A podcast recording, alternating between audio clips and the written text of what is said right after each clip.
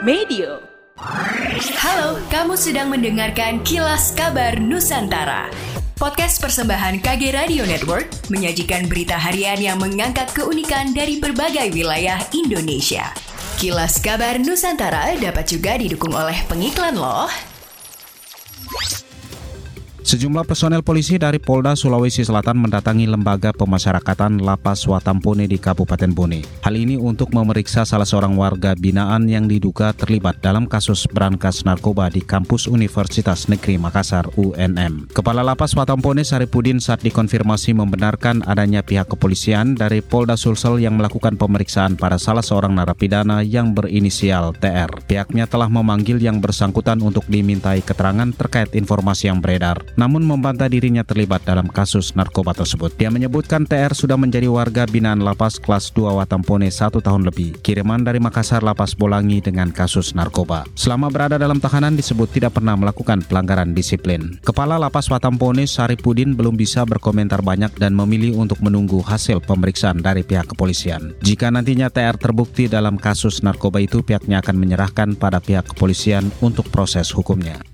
BPJS Ketenagakerjaan Manado menjabarkan capaian kerjanya di semester 1 tahun 2023, di mana dari capaian semester 1 tersebut diketahui jumlah pekerja aktif yang telah terlindungi mencapai 81,77 persen atau sebanyak 588 ribu lebih tenaga kerja. Sunardi Sahid, Kepala BPJS Ketenagakerjaan Manado merincikan dari angka itu, program jaminan hari tua menjadi program dengan klaim tertinggi, yakni mencapai 136 miliar rupiah dengan total 12.000 kasus. Ditambahkan oleh Sunardi, capaian semester 1 2023 tidak lepas dari peran aktif perusahaan yang senantiasa membayar iuran bagi pekerjanya, serta adanya dukungan yang baik dari pihak pemerintah yang memaksimalkan program perlindungan yang ada. Sejumlah warga kota Palembang masih ada yang enggan dan menolak kehadiran tempat pembuangan sampah TPS di dekat rumahnya karena takut menimbulkan bau sehingga mereka membuang sampah bukan pada tempatnya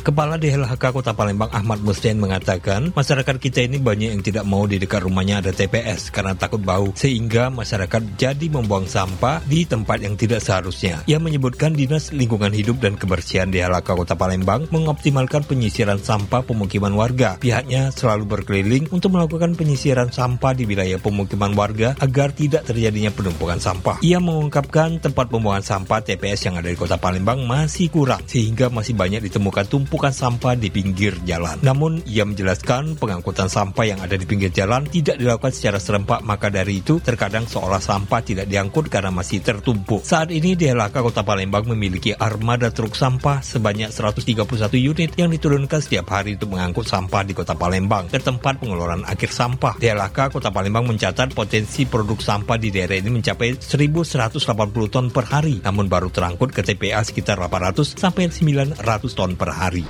Demikianlah kilas kabar Nusantara pagi ini.